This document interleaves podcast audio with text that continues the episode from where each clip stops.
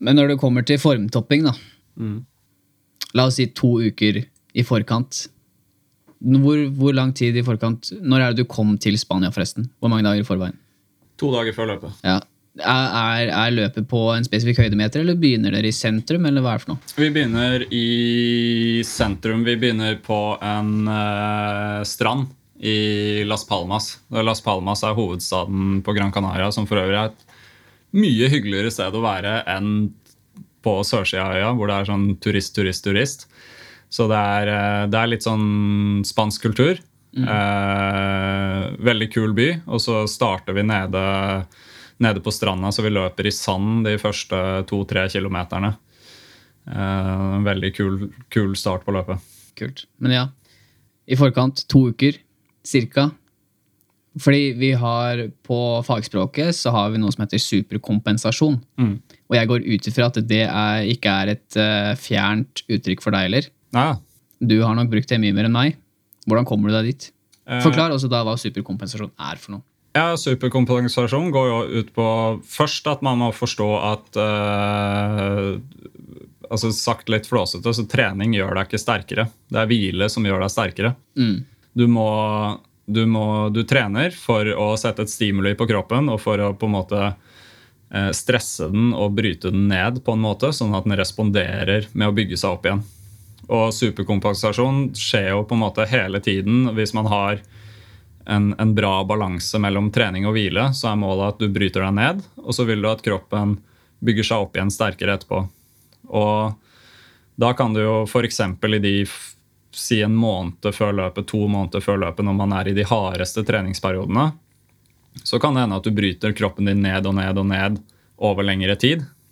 Eh, men til slutt så er du nødt til å eh, backe av på treninga eh, for å få bygd den opp til over det nivået du var på før. Og det er der du snakker om superkompensasjon. Hva er den lengste distansen du har dekka i en treningsøkt i en sånn eh, hardtreningsfase? Fire mil. Hæ? Fire mil? Det er det? Det er det. Og du skal da gange det med tre yep. i konkurranse? Ja, da er det badass, da. Ja, men det, det, ja, Det det, er- det er ganske Det der syns jeg er superinteressant. Det er, det er liksom bra du Ja. Ja, men selv jeg altså jeg har jo vært idrettsutøver, og ja, vi har ikke så nødvendigvis trent noe, nødvendigvis noe, noe lenger, for ishockey er jo en annen ting, men eh, vi har jo, vi har jo lagt inn steinharde økter som, som går også over intensiteten vi holder i kamp, Mm. eh, over en lengre periode, for å da bryte ned, og så bygge opp igjen. Men ok, fire mil, ja, og når distansen på Trans Gran Canaria, sier jeg det riktig, er på tolv, da er du, ja, greit. det er tre ganger. I mine øyne så er du ute og svømmer, men hvis det funker for deg, så er det jo som du sier, individuelle Nei, og det, det funker ikke bare for meg. Det er, eh, jeg tør å påstå at det er en veldig smart måte å gjøre det på. Det er eh, spesielt fordi vi snakker om løping, som er belastende eh, for ledd og muskulatur.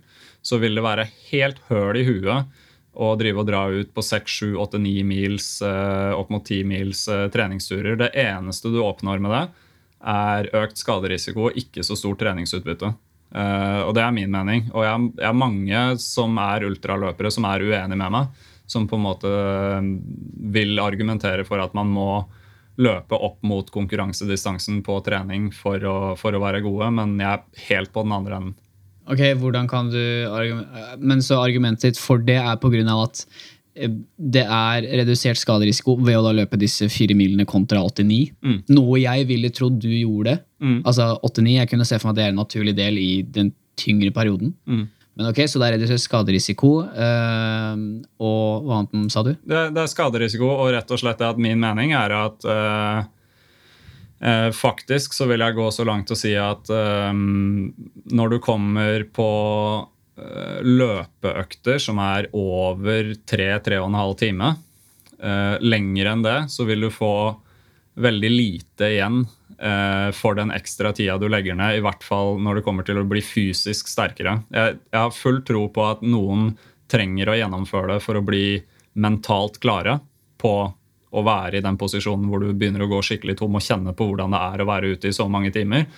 Men uh, min mening er at uh, totalbelastninga i løpet av en uke eller en måned totalt, uansett hvordan du fordeler det på dager, er mye viktigere enn å kjøre én eller to eller tre ekstreme økter. Så, eh, og det, det, er også i, i, den forberedelsesfasen hvor vi trener hardt, så eh, Vi hadde én tur på fire mil. Eh, alle de andre langturene våre var maks tre mil. Så vi vil heller dele opp økter, sånn at si at hvis vi skal ha en fire-fem mil i løpet av en helg, så kjører vi 20-25 km lørdag, 20-25 km søndag, og ikke samler alt på én dag. Det er vår tanke. Ja, det kommer jo tydeligvis an på øyet som ser, men eh, det høres, jo, det høres jo veldig fornuftig ut, det du sier. Så jeg regner med at det ligger noe sannhet i det. Og det har jo tydeligvis funka for deg, så ingenting er bedre enn det. Mm. Men ok, la oss uh, si fra raceday, da. Eller to, til to uh, dagene før der. Er det sånn at du uh, spiser deg opp, på en måte? På karbohydrater? Eh, litt. Litt. Eh, du kan si at den, den første, første, fasen etter å ha trent veldig hardt og forberedt seg så spesifikt og så bra som mulig i tilløpet, som skjer de to første månedene, så, så går du over til en sånn formtoppingsperiode som, som jeg pleier å starte en 10-11 dager før løpet. Som funker for meg. Så da, da begynner du å redusere treningsbelastninga. Beholde mye av de samme øktene, men du reduserer kanskje til halvparten av treningsmengden som, som du pleier å ha. Da. Intensitet, da. Eh, beholder egentlig Hvis du bare for, eh, for enkelhets skyld sier at du har seks økter i uka, da. To av de er hardøkter, og resten er rolig. Så tar du rett og slett bare og kutter kutter 50% av hver eneste økt. Så du beholder akkurat de samme intensive øktene, men de blir også halvparten så lange. Mm. Sånn at du har litt intensitet, sånn at ja. du holder kroppen i gang. Men du, du reduserer totalbelastninga sånn at du får den superkompensasjonen som vi prata om. da. Ja. Og sånn I forhold til uh, spising så føler jeg da Jeg har prøvd litt sånn forskjellige sånne carboloading-regimer. og sånt nå, men... Jeg sa karbohydrater, men jeg tenker også når du skal løpe 12 mil, så er det en miks av alle næringsstoffene. Og salter, ikke minst. Væske. Absolutt. absolutt. Selv om jeg tror det du burde ta til deg aller mest under løpet, er også karbohydrater. Men du, du, når du begynner å bli så langt, så er det lurt å få i seg litt annet også. Men sånn uh, i de dagene før løpet, de én til to ukene før løpet, så, så, har jeg følt at hvis Altså, en vane er vanskelig å endre, da. Så hvis du trener 15 timer til vanlig i uka, så spiser du ganske mye fordi du er sulten hele tida. Så hvis du da reduserer treninga di med 50% så vil du naturlig beholde de samme matvanene. Så hvis du spiser like mye som du gjorde når du trente mer, så, så, føler jeg at det er mer behagelig enn å trøkke i seg et helt brød ekstra om dagen. For da, da, da vil den næringa på en måte lagre seg mer fordi du trener mindre. Gir absolutt mening. Ja. Du er så rasjonell og reflektert, så det er jo det er, det er gull å ha deg med. Du, du, sier det på en bra måte. Mm. Men når du Altså jeg nekter å tro for at du, at du ikke har dårlige økter, og, eller uh, at det gjør vondt underveis. Hva, hva gjør du da? Det er de, det er de viktigste periodene å takle bra. Uh, absolutt. Har uh, flere økter hvor du føler deg under par enn hvor du føler deg på topp mm. i oppkjøringa. Og underveis i et så langt løp, så vil du alle vil ha eh, kanskje tre, fire, fem, seks flere perioder på, på, en halvtime, en time, hvor du føler deg helt forferdelig. Kan du beskrive hva, du beskrive hva, hva, du, hva, hva er det som går gjennom deg du, hvis du har en dårlig dag eller dårlig økt, eller du føler at beina ikke hva er det som, Hvordan er det den følelsen her? Eh, følelsen kan være at du, du går ut av døra Uh, og du begynner å løpe, og du bare kjenner at beina responderer ikke i det hele tatt. Så uh, jeg har en del økter hvor jeg kjører intervaller i samme bakke, så jeg vet på en måte at når jeg er i form, så løper jeg på den tida. Og sånne ting. Og da kan jeg løpe uh, altså et minutt pluss dårligere på en strekke som, som, jeg har løpt veldig bra på bare fem dager før, eller en uke før. Og det, det vil jo da være en dårlig dag. Men ja, den, det, er, det, er, litt kult å ta opp, fordi jeg tror der ligger nøkkelen for, egentlig, for både de som skal starte fra begynnelsen av løpet, til de som er veldig veldig gode. Og det er det at alle kan på en måte gjøre en god innsats når det flyter bra. Da. Alle kan, eh, alle kan uh, gjøre en god økt når de har masse energi og er i godt humør og sola skinner. Uh, men det som gjør, det som gjør forskjellen, det som på en måte skiller de som, som, virkelig gjør gode forberedelser og klarer å prestere, det er de som takler de tunge periodene best. Så det er egentlig det jeg prøver å tenke på. Eh, de, de gangene det går tungt, så er det viktig å huske at ok, jeg løper saktere, men treningsutbyttet trenger ikke være noe mindre. Fordi jeg vet at jeg kommer til å føle meg dårlig i løpet. Så hvis jeg ikke gjennomfører i dag fordi jeg føler meg dårlig, så kommer jeg sannsynligvis til å ikke gjennomføre løpet heller. Fordi jeg kommer til å føle meg dårlig der også. Så de øktene hvor du føler deg dårlig, er kanskje de du får mest igjen for. Eh, så det gjelder, å, det gjelder virkelig å liksom psyke seg opp i de tunge periodene. Men er det, er, det, er det, det du sier til deg selv når det går fint? Altså Om det er under et løp eller etter eller før du går ut, du hadde en dårlig økt dagen før hvor du tenker skal jeg gjøre akkurat det samme i dag òg? Hvordan er det du på en måte kommer deg på plussida mentalt, hvor du bare sånn Nei, det her må jeg gjøre likevel. Er det så simpelt som at du tenker det er utbytte? Tenker, altså, stripper, du det, stripper du det ned til at jeg gjør det her fordi jeg skal bli bedre i morgen? Eller liksom, hvordan er det du klarer å, å holde frekvensen, la oss si, da, når det er blytungt og du er ute og løper? Mm. Og det er, det er, ikke bare fordi jeg skal bli bedre i morgen, det er fordi jeg skal bli bedre om to måneder. ikke sant? Så du vet at treninga jeg gjør i dag, den vil ikke gjøre meg i bedre form til i morgen. Det er ikke sånn kroppen fungerer. Så, så det stimuli du putter på kroppen med, med, trening, det jeg gjør denne uka her, det vil jeg kanskje begynne å få utbytte av om to-tre uker. da. At Det er først da man, man, får igjen for det, for kroppen trenger tid på å respondere på trening. Så nøkkelen er kontinuitet. Og det er også grunnen til at vi ikke løper seks, sju, åtte mils uh, turer. Fordi vi mener at uh, det er mye bedre å ha økter som du kan gjennomføre dag etter dag etter dag og uke etter uke etter uke, fordi det er det totale arbeidet over tid som gjør en stor forskjell, ikke en ekstrem økt. Eh, og på samme måte så kan du da resonnere at eh, hvis du er ute og du har en dårlig dag, så vet du at det vil komme bedre dager som er deiligere, men du vet at den dårlige dagen, det å gjennomføre bra den dagen, det er minst like viktig som de dagene det går bra, og du vil få igjen for det om en måned eller to. Da. Har du noe Altså, har du noen teknikker som du, som du bruker? Eh, Christian, han som var her i første episode, han kalte det skifteteknikken. Ja. Basically indre dialog-typ. Ja. Altså, altså, er, det noe, er det noe punchline du har som du, som du gjentar til deg selv? Det, synger du en sang? Visualiserer du? Hva er du, er det du gjør for noe? Ja, ja det, det, der, der, er jeg så kjedelig på de greiene der. Eller jeg har, jeg har, ingen sånne mantra. Ingen, ingen, sånne ting som jeg sier til Jeg har garantert en indre dialog som jeg tror, som, jeg tror at jeg ikke er veldig bevisst på sjøl. Men en av de tingene som jeg pleier å på en måte motivere meg, er bare rett og slett det at trening, og det sier jeg til utøverne jeg trener også, er for jeg hører så ofte at det er ikke noe vits i å trene hvis det ikke er gøy. Eh, og det er jeg enig i. Det skal på en måte være et element av gøy. Men gøy høres liksom ut som yeah, jeg skal ut og løpe i to grader og regn og jeg føler meg dritt. Du trenger ikke tvinge fram at det skal være gøy, men jeg vil si at trening skal alltid være tilfredsstillende. Så på den tunge dagen, når du drar ut, så tenker jeg på at hvis jeg gjennomfører den her akkurat som jeg har planlagt, så vil jeg gå hjem, sette meg i stresslessen, eh, ta en kopp kaffe og noen brødskiver og føle meg utrolig mye bedre enn hvis jeg bryter den økta. Fordi hvis jeg bryter den økta, så vet jeg at jeg kommer til å sitte og sparke meg selv for at jeg er, eh, jeg er en pussy.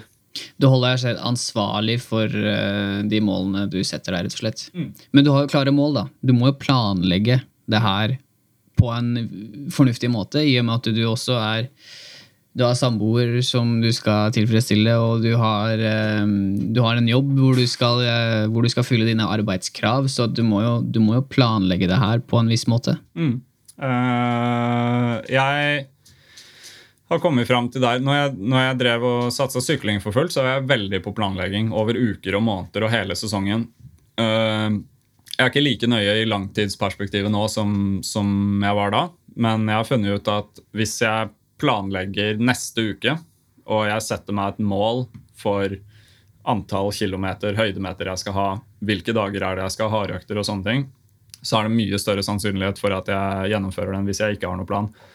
Eh, så det jeg pleier å gjøre, er at jeg setter meg ned hver søndag og på en måte evaluerer litt for meg selv hvordan den treningsuka her har vært. Og så bestemmer jeg meg for hva som er fornuftig å trene neste uke, og så lager jeg en plan på det. Men eh, jeg har eh, Jeg har også en situasjon hvor jeg føler at det er, det er selvfølgelig prioriteringer som skal til, men jeg jobber ikke altså I antall timer så er jeg ikke i nærheten av å jobbe 100 selv om det i praksis er en 100% stilling. Når du mm. jobber selvstendig, så kan du være veldig veldig effektiv. Så du kan bruke halvparten av tida på samme jobben som du kanskje ville gjort i det offentlige.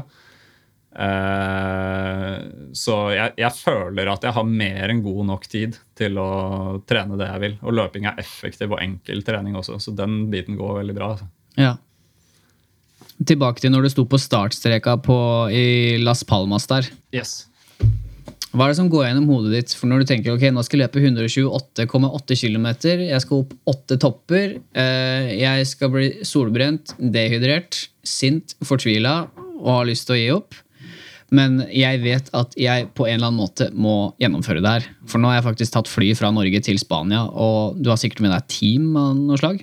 Uh, teamet bestod av jeg og en, uh, en kompis. Uh, Steffen, er, Steffen Bruflat er en kompis som jeg trener aller, aller mest med, og som jeg på en måte dro med meg inn i ultraløping. som, som kom fra Jeg tror han hadde spilt en del fotball og så løpt litt eh, på mosjonsnivå, men har vært med på den, den, reisen på en måte med å, å, løpe lengre og lengre løp. Så det var Steffen og kjæresten hans og kjæresten min eh, som var med ned. Og eh, de var eh, De er gull verdt, eh, de damene våre, men det er mest som, som moralsk støtte der nede. Ja. Så vi, vi, har ikke et sånt stort support-team rundt oss. Det har vi ikke. Nei. Men jeg kan tenke meg da når du eh, hvor, Fordi jeg kan tenke meg de er utplassert på et ganske utsatt punkt, hvor dere er ganske langt nede. Ja, det var eh, dama til Steffen. Hun eh, er gravid, og hun var eh, mest eh, gira på, på slacken på hotellet. Ja. Eh, så det var dama mi som det, det er ganske vanskelig å komme seg ut i løypa der. Og vi hadde ikke tilgang på noen bil der, så det, det dama mi gjorde, var at hun sykla et lite stykke opp fra der vi bodde i Maspaloma, så vi bodde ganske nærme målgang. Og så møtte hun meg sånn 10-12 km før mål.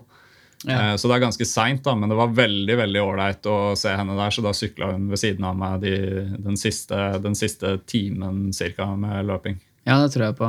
At det var, eh, at det var eh, en trygghet, eller Ja, hva var det du tenkte på? Altså, jeg har jo Lengst av har løpt, er liksom to mil, så jeg kan, ikke, ja. jeg, kan ikke, jeg kan ikke kjenne meg igjen i det du sier. Men eh, ja, det må ha vært utrolig nice å ha det Å ha hun der, da, det teamet ditt. Ja. Støtten din.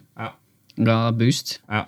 Det, det, var det. Uh, men nå kom jeg på det, det liksom, Vi kan ta det litt fra, fra starten her, fordi det var ganske kult Uh, jeg hadde bestemt meg den gangen her for å ta med meg bare et par sånne Bluetooth-øreplugger, så du kunne høre på musikk underveis. Uh, for det kan bli ganske ensomt til tider. Uh, når man blir demotivert, så er det fint med litt motivasjon. Så fra starten av løpet så var målet til meg og Steffen, fordi vi er på trening, så er vi i ganske lik form. Vi, det er ingen som løper veldig fra den andre på, på harde økter og sånne ting. Så vi hadde et ønske og et håp om å løpe sammen så lenge som mulig. Da. Og på en måte vinn-vinn-situasjon og muntre opp hverandre. Så de første fem-seks timene så løper vi sammen. Og det er rart hvordan hodet fungerer, men når du veit at du skal løpe i en 15-16-17 timer, så går de fem, fem første timene de går unna på et blunk. Og men da har du friske bein? Da har du friske bein. Men, men, det er også litt morsomt å tenke på hvis jeg skulle gått ut av det studioet her og ut og løpt i fem timer, så hadde ikke jeg følt at jeg hadde hatt friske bein. Nei. Så det går veldig på det mentale. Uh, jeg forteller om det. Ja, Det, det, det syns jeg er fascinerende. Det er Det er akkurat som du kan tenke deg selv hvis, hvis du har bestemt deg da, for at i morgen så skal jeg løpe seks kilometer, eller du skal løpe den runden du snakka om via Tåsen og nedover, så kommer du garantert, hvis det er en litt tung dag, så kommer du garantert til å komme til et punkt hvor du tenker at du ser ned på klokka, eller du ser at ah, jeg har løpt tre kilometer, åh, det er fem kilometer igjen. liksom. Det virker mye. Eh, og det går helt på forventningene dine til hva, til hva den økta skal være. Men hvis du har planlagt en dag at du skal løpe fire mil, så vil du også tenke at du er sliten, men de første ti kilometerne vil gå unna som ingenting, fordi hodet ditt er innstilt på å løpe mye lenger. Så når du i tillegg slenger opp at det her er konkurranse, det er verdenscup, det, det står løpere på toppnivå, du er, du er maks gira, så, så, blir du ikke mentalt sliten de første timene på samme måte. Det kommer først seinere. Du må, du, du, du må, forklare det her, fordi eh, det gir For meg gir det ingen mening. Altså, jeg hører jo hva du sier, det er ikke det, men jeg klarer ikke å relatere meg til det. det at, fordi du snakker, altså Eksempelet, da, 100 km, la oss si det. På et eller annet tidspunkt må beina dine begynne å sprike. Ja. Du vil få tomhetsfølelsen, altså treffe veggen. Eh, motivasjonen må, må, synke på et eller annet tidspunkt. Mm. Det skjer. Hvordan er, det du, hvordan er det du klarer å holde motet oppe, annet enn at uh, du, har liksom, du, har et bias i tanken din om at du, du lurer deg sjøl med at du skal løpe lenger det du egentlig gjør? Mm. Hvordan i alle dager er det det, hvordan er det, det lar seg gjøre? Uh, det er uh, Altså, de, de er, det er helt uunngåelig å komme til det punktet som du snakker om. Alle, uansett den, den som vant og den som kom på sisteplass, kommer til det punktet hvor, eh, hvor det er helt blytungt og du er tom og sånne ting. Og jeg tror en av de tingene som jeg syns er uh, fint å tenke på, er igjen tilbake til det der med de tunge øktene. da.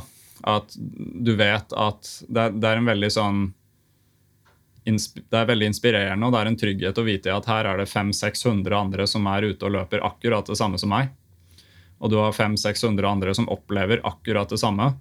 Så hvis de klarer å komme seg gjennom de, de periodene, så er det ingen grunn til at jeg ikke skal klare det. Mm. Og da vet du at de, igjen, de som takler de tunge periodene best, det er de som i hermetegn vinner. Da. Alle kan ikke vinne, men det er de som gjør det best ut ifra sine egne forutsetninger. Så det er én tankegang. Og så eh, må du lage deg delmål. Du må på en måte si Du studerer løypa i forkant, og du vet at nå er det 45 minutter eller en time til neste matstasjon, for det er tolv matstasjoner underveis i det løpet. Uh, og så var det en morsom ting i tillegg som jeg skulle komme til med de der Bluetooth-høretelefonene. Ja, fordi på, på, et tidspunkt etter For Steffen måtte, måtte, slippe. Etter, han klarte ikke å holde følge etter sånn seks timer. Og det er litt sånn nedtur. Da tenker jeg ikke at yes, nå kommer jeg til å slå Steffen. Da tenker jeg at det er kjipt, fordi jeg hadde lyst til at vi skulle løpe helt i mål sammen. Uh, så litt etter det så putta jeg ørepluggene i, i ørene og begynte å høre på musikk.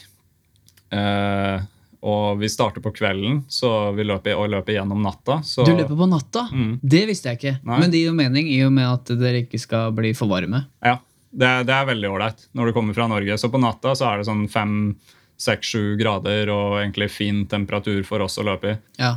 Så etter eh, jeg hadde løpt et par-tre timer uten Steffen, så hørte litt på musikk, og sola begynte å gå opp, og det er en enorm motivasjon at det begynner å bli lyst. Og så tenker jeg, jeg hører jo på musikk fra mobilen, da.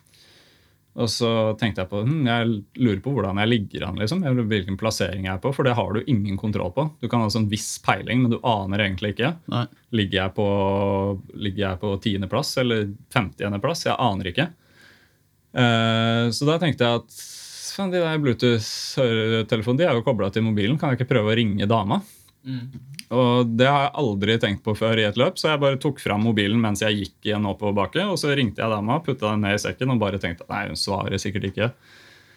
Og så etter 20 sekunder så svarer hun. Og så blir jeg løpende på stien der, og så snakker jeg med dama i et kvarter om alt og ingenting ja. mens jeg løper.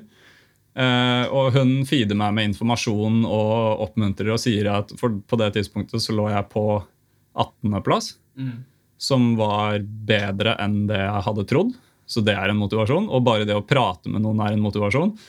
Så det var jo litt sånn, ja, jeg møtte henne fysisk først når det var 10-12 km igjen. Men etter å ha prata med henne første gang, så hørte jeg litt mer på musikk. Og så tenkte jeg jeg prøver å ringe en annen kompis. Ja. så så det, det var en kompis som, som sitter i Norge. Han driver med, driver med triatlon, og jeg veit at han sitter og følger med på live-tracking. og sånt nå, Så tenkte jeg han tar sikkert ikke telefonen. Så tok faen meg han også telefonen, og da ble jeg løpende og prate med han i en 10-15 minutter, og han var supergira. så så det der er en sånn ting som heter jeg litt uh, hack. Ja, du er ute og løper bare sånn 'Hei, bestemor, hvordan går det? Jeg er på et fjell i Spania nå. Hva driver du med?' Liksom, Må du passe på at du ikke faller, da. Ja, ja, ja. Ja, ok. Så det er liksom, men det blir nesten som en litt sånn eh, power song, hvis vi kan kalle det det. Jeg husker jeg så masse reklame da jeg var yngre av Nike og sånn. Liksom, de hadde, når Nike hadde kommet med sitt løpesystem, jeg vet ikke, det er sånn chip hvor du putta i skoen, husker du det? Har de det ennå? Mm, eh, jeg veit ikke.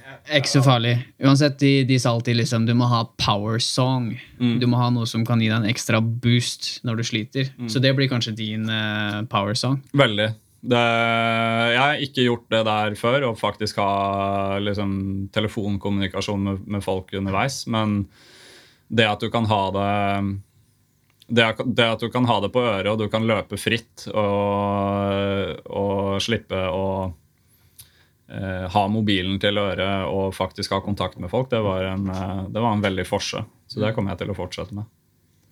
Men du sa, du sa i forkant at du, når du hadde løpeorientering, så så du for deg liksom hvor er det drikkestopp og sånt. Ja. Men da eh, bruker du noe visualisering i forkant? Eh, hvordan da, tenker du? Om Nei, at du, at du ser for deg omgivelsene, du ser for deg stemmene. Du, du ligger nesten og kjenner på, på smågrusen under beina dine. Eh, du kjenner beina går eh, høyre foran venstre. Ikke, ikke så mye. Jeg er øh, Hvis vi snakker om litt sånn mentale forberedelser, så er på en måte min take på mental trening og mental forberedelse er at det henger veldig sammen med den fysiske treninga du gjør. Ja. Så det å ligge på sofaen og tenke på hvordan det kommer til å være i løpet, det har jeg ikke følt har noe særlig effekt for min del. Så de tankene har jeg heller når jeg er ute på harde økter.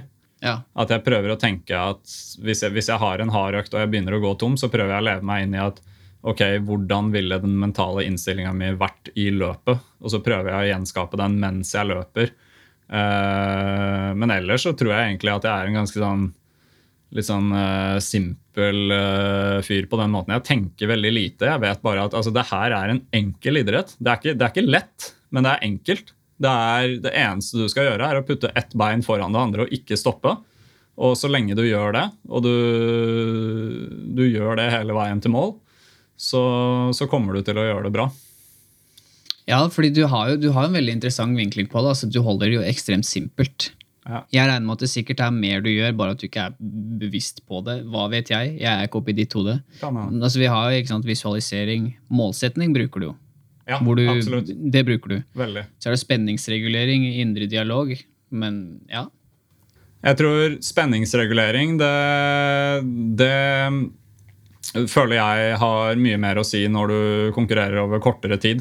Absolutt. Eh, fordi det, det er litt sånn når du står på starten av et ultraløp Jeg husker første ultraløpet jeg var med på. da gikk jeg, Det lengste jeg hadde løpt før det, var en halvmaraton. Og så var det en eh, luring av en kompis som meldte meg på eh, Eco Trail, som går her i byen, som er 80 km langt. Så det var jo et altfor stort hopp. Det tok meg jo helt vann over hodet. Uh, men da var det sånn Da var jeg vant til å stå på startstreken av en 10 km, og det går fort ut fra start. Og det er på en måte Spenninga bygger seg opp før start, og så står vi nede i byen og, og skal sette i gang. da så er det liksom, De begynner å telle ned fra ti, og du er superspent. Og sånt nå. Og så når startskuddet går, så kommer du på det. Her er jo 80 km. Jeg kan jo ikke løpe fort i det hele tatt. Nei. Så det er jo som om du drar ut på en rolig langtur. ikke sant? Så det er en sånn veldig antiklimaks. Så du, du har så lang tid, da. Altså, jobben din, blir jo, jobben din blir jo da bare roe deg ned, Ja, egentlig.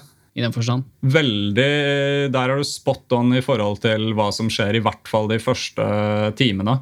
Fordi da, da er du så gira. Du har toppa formen, du har bygd opp energilagrene dine. Du kunne egentlig løpt dritfort. Men det viktigste du gjør da, er å ta det med ro. Fordi de kreftene trenger du seinere. La oss si nå har du, nå har du tømt de lagrene som er, og, og sola begynner å gå opp. Ja. Som du sa var sjukt boost. Når, når, er det du, når er det du på en måte skjønner på generell basis Når er det du skjønner at eit, det her kommer jeg til å klare helt fint? Nå kjører vi siste delen. Når er det den kicker inn? Det tror jeg var eh, rundt uh, Det er litt morsomt, for det blir litt sånn uh, uh, motsatt av, av det man tenker, tror jeg. Jeg tror etter ni-ti timer, og det blir jo da to timer etter sola har gått opp, Ja. da er vi på vei opp mot løypas høyeste punkt. Og jeg kjente at jeg var sterk i, i motbakkene den dagen.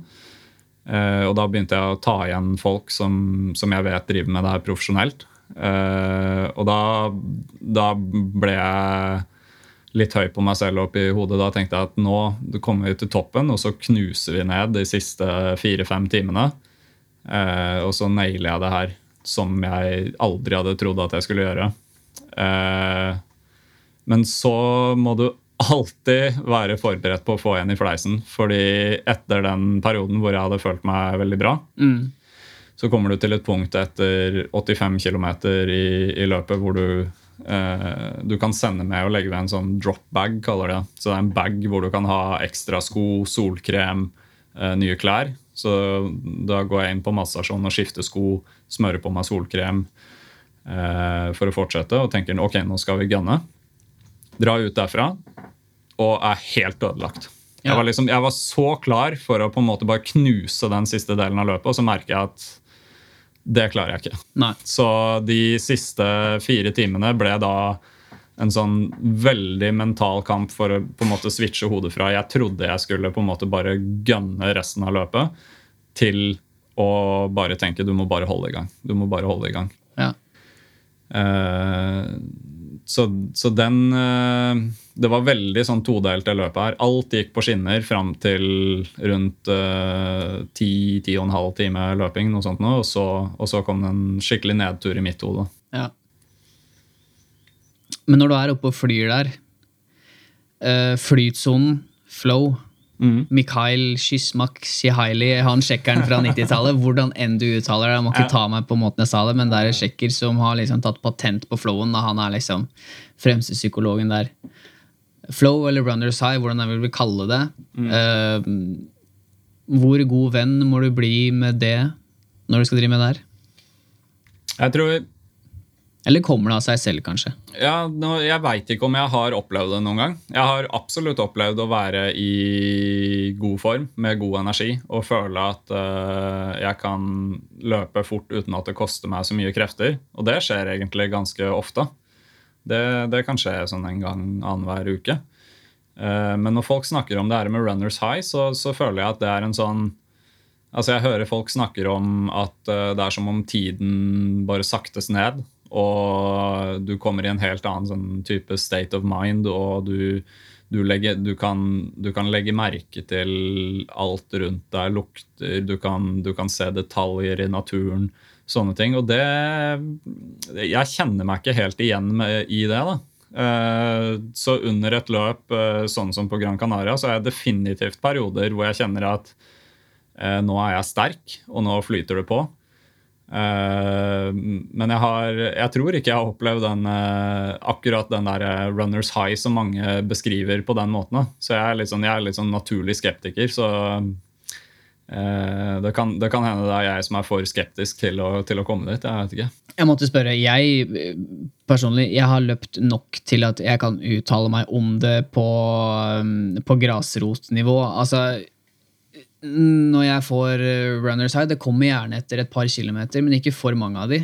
Det er liksom etter en litt tyngre fysisk anstrengelse, gjerne liksom kanskje to kilometer opp, og så flater det ut. Gi det et par minutter av, så bare liksom så slår det inn.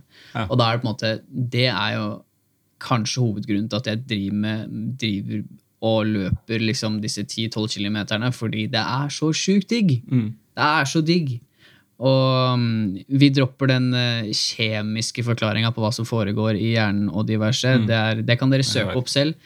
eh, forskning driver og tvik, altså, tvister nå om at det ikke er endorfiner, men at det er noe annet. Okay. Det kan jo dere lese dere opp på selv. Jeg kan ikke ta den nå, for jeg kan ikke Jeg kan beskrive handlingsforløpet. Men eh, ok, du, ja, det er jo opp til individet da, hvem, hvem, som, hvem, som, hvem som er ute og løper, hvilken intensitet, hvordan du opplever det. Mm. Tenk på det, da, og så sender du en melding i løpet av en to ukers tid. Se om du har kjent noe. Ja, ja. Hvis du kjenner etter, kanskje det er det. Mm. Nei, jeg tror uh, uh, det, er- det, er- det er spennende å høre om, om sånne opplevelser fra forskjellige typer folk. Jeg har ofte tenkt at Fordi trening gjør meg i, veldig godt humør, sånn generelt.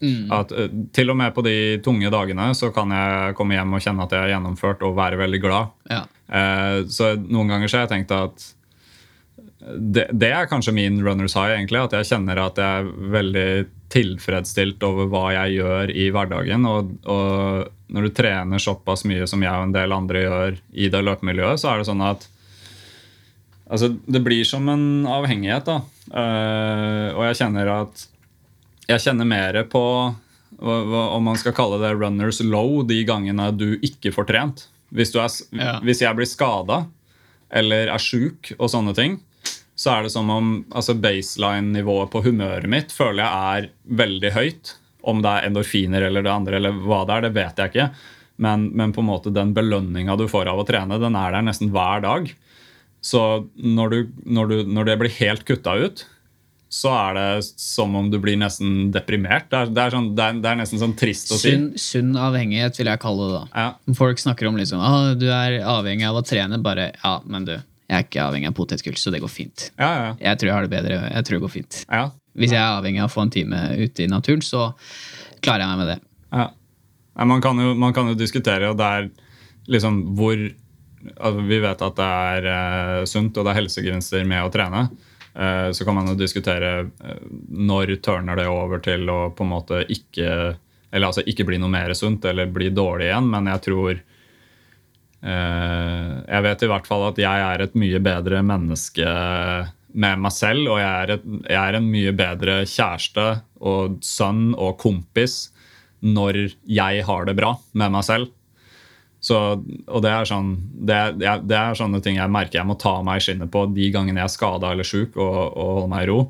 Så vet jeg at jeg er grinete hjemme. Eller at jeg er mutt, jeg er stille. Jeg vet at jeg ikke er like kul å henge med. Så, så det, er, det er nesten som om det er i både min og folk rundt meg sin interesse at jeg klarer å holde treninga i gang. For ellers, så er, Ja, ja, ja. så er jeg en kjip fyr. Ja, ja. Men det er eh, du, du ljuger ikke. Jeg tror det er flere som kan kjenne seg igjen der. Se for deg du setter deg et mål. Da. Hva enn det er for noe. Eh, Gå tre kilometer sammenhengende. Hva enn det er for noe. Du fullfører det målet. Det gir deg en selvtillitspust. Økt selvtillit gir deg en sterkere karisma, kall det det. Jeg vet ikke hvordan man skal forklare det, men altså det å eh, det, det jeg mener er så sunt, er at du har, et, du har et mestring Du har fortsatt en mestringsfølelse selv om du gjør det så mye.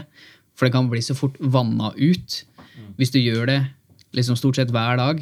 Det samme om og om igjen, at det er en rutine og blir nesten et sånt jobbforhold. Men det at du klarer å, å oppleve mestring og er bevisst på å ta med deg inn i dagliglivet ditt, er jo sjukt kudos.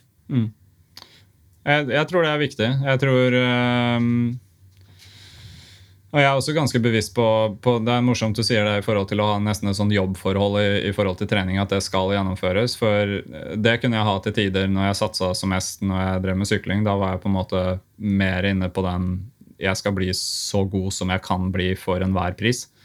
Eh, der er jeg ikke helt nå. Eh, her, der er det litt sånn at jeg har sagt til meg selv at den, den dagen jeg kjenner at eh, jeg drar ut på en, en tung dag og trener, og jeg kommer hjem og jeg føler at det ikke ga meg noen ting, det er dagen jeg ikke gidder å gjøre det på det nivået jeg driver med nå. Så, så det, er, det er på en måte det, For at det skal være verdt det for min del nå, så må det være tilfredsstillende. Og det handler ikke bare om å bli bedre og bedre og bedre, men det handler om naturopplevelser. Det handler om frihetsfølelsen. Det handler om å løpe med kompiser og på en måte dele en felles interesse. Det handler om veldig veldig mye mer enn bare den egotingen å bli best. Du gjør det til noe mye mer da, enn bare den at du skal uh, holde deg i form fordi du ikke skal bli sjuk eller Ja. legge på deg eller noe som helst. Så mm, ja, misunnelig, misunnelig i form av måten du klarer å se det på. Ja. Jeg har jo ca. samme syn på det, men eh, nei, du er eh, inne på noe der. altså Hold på den så lenge du klarer, for guds skyld. Jeg tror Jeg tror én ting er måten man ser det på, men en annen ting er måten man gjør det på. At, at på en måte Det er viktig at Jeg tror det er veldig mye som handler om vane. da. Og det er, det er egentlig sånn at eh, noe du starter med som du syns Si at du starter å løpe og syns det Jeg har flere jeg coacher, og flere andre som jeg eh, som jeg har et forhold til når det kommer til løping, er sånn at du starter med løping, og så kjenner du at det her er tungt. Det, det er mer dårlige opplevelser enn det er gode. Eh, men det handler om å på en måte komme inn i en sånn vane hvor du, hvis du vil ha de gevinstene med godt humør, med, med helsegevinst eh, osv., så, videre, så må du, du må stå litt i det. da. Og det er sånn at når du, Selv om det er tungt og kjipt i starten, så må du på en måte ha som en sånn skinnende stjerne foran der at på et eller annet tidspunkt så må du ha tro på, og det vil komme at du mestrer det. Og når det kommer, og du får den belønningen, så vil du ha mer av det. Så jeg tror at den måten å se det på, det handler, om, det handler veldig mye om vane. Bare kom deg ut. Du kan si til deg selv at eh, altså Ikke sett deg for store mål i starten. Ikke si at jeg skal gå fra å trene ingenting til å trene fem dager i uka, men si at når jeg drar ut og løper, så skal jeg løpe i ti minutter. Og hvis jeg føler meg dritt, så har jeg lov til å dra hjem. Men hvis jeg føler meg bedre enn når jeg satt på sofaen, så skal jeg fortsette.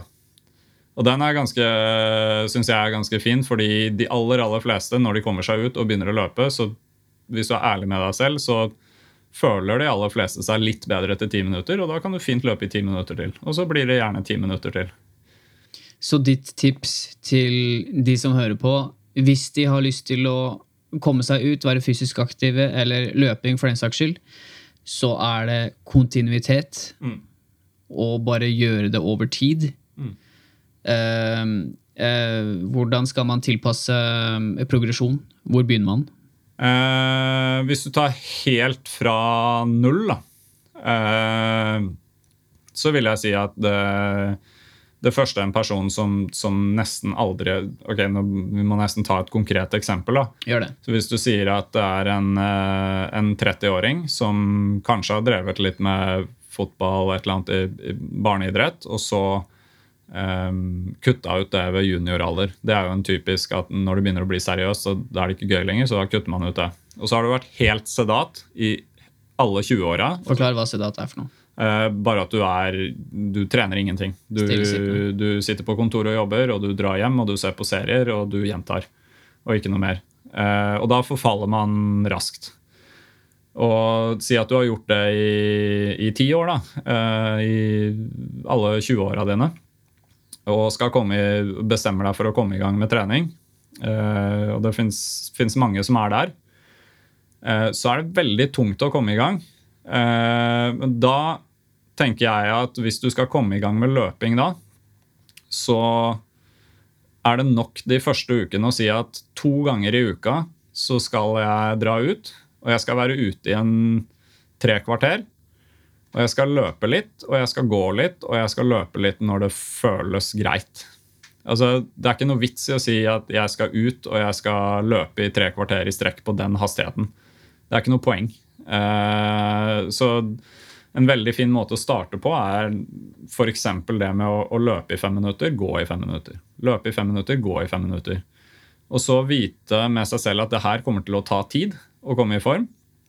Og i forhold til progresjon så, så finnes det jo alle mulige sånne anbefalinger om at du skal øke med maks 10 hver uke. og sånt noe, Men jeg, jeg tror det aller aller viktigste er å føle selv på kroppen at du har lyst til å trene litt og litt mer. Mm. Og passe på at du ikke eh, dobler treningsmengdene dine hver eneste uke i overskuelig fremtid. Men, eh, men rett og slett det å det å gå fra det, fra det veldig små og så bygge på med eh, litt og litt. Det kan være å legge til et kvarter på de øktene du allerede har, og så legge til én økt til på en halvtime, tre kvarter i starten. Og så er det å bygge stein for stein for stein for stein, og så til slutt, eh, etter en god stund, så kommer du til å se tilbake og, og lure på hvor du var hen. Så progresjon, ikke for hardt, men allikevel nok til at du kjenner at her er det en utfordring. Mm. Over tid, det er et tips du kan stå inne for. Absolutt. Og progresjon Riktig progresjon er spesielt viktig i løping fordi det er en, en eh, bevegelsesform hvor du, hvor du eh, har mye støtkrefter som virker på beina, og mange, mange er Det er lett å bli skadeutsatt. Og en annen ting der er sånn hvis du merker at det gjør vondt, at det er litt sånn du kjenner at det her, nå lurer jeg på om det er noe skade, så er det en veldig styrke å eh, kunne ha en annen aktivitetsform å supplere med. Da. Og der vil jeg trekke fram sykling som en veldig fin og skånsom aktivitet. Så hvis, du, hvis målet ditt er å komme i form, eh, og at du sier at du sikter mot et løp, da, så vil jeg absolutt Hvis du har en, en bysykkel, en transportsykkel, sånne ting, og, og du kjenner at løpinga tar på i forhold til det er vondt i knær, det er vondt her og der, eh, så suppler med litt sykling. Eh, du kan dra og svømme. du kan altså Gjør de tingene som er det vi kaller for low impact-aktiviteter, som ikke er så belastende. Så vil det hjelpe deg veldig på, på å få opp kondisjonen din. Og gjøre ting vi syns er gøy. Ja. Det er alfa og omega. Det du syns er gøy, det kommer du til å gjøre mer av. Eh, og da blir du fort i form. Ja. Siste spørsmål. Ja. Eh, hva er det det å være aktiv gir deg i det, din, eh, din, den mentale biten? Hva er, det, hva er det du sitter igjen med ved å være aktiv? Hva er på en måte din gulrot? Eh, godt humør. Nummer én, tror jeg. Jeg tror eh, Altså, det, det er mange ting jeg sitter igjen med og, over mange år med å ha vært aktiv. Så er det på en måte eh, Alle de kuleste opplevelsene jeg har hatt i livet, eh, er forbundet til en eller annen aktivitet.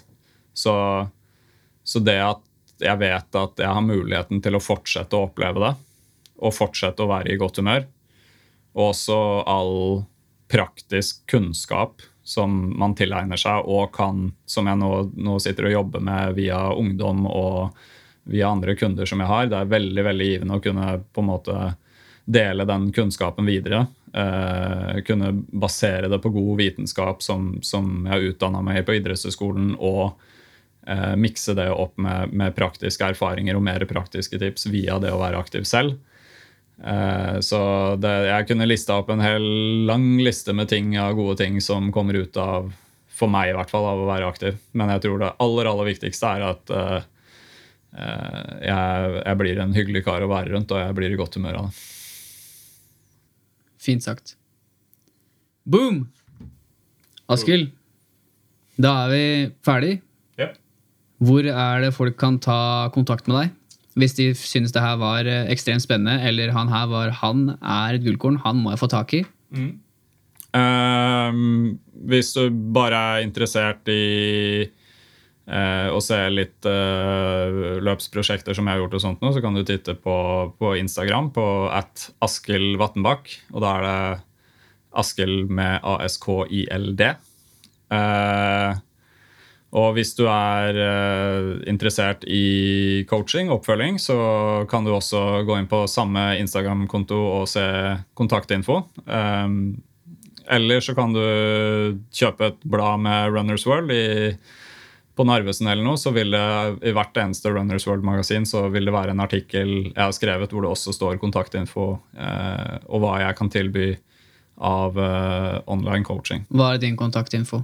Uh, E-mailen min er uh, askellarsen at gmail.com. Men du foretrekker en DM? Uh, DM. DM er alltid best. Det har funka bra hittil. Så bra. Mm. Askild, tusen takk for at du kom. Lykke til med prosjektet ditt. at du skal være din egen sjef med løping. Jeg håper du fikser det. Yes, jeg har ikke noe mer. Har du? Nei, jeg, jeg er happy, jeg. Jeg føler vi har fått prata gjennom mye. Kan bare si over og ut.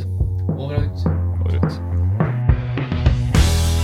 Tusen takk for at du tok deg tid til å høre på oss, og kanskje du til og med fikk med deg et eh, triks eller to som du selv kan implementere i din hverdag.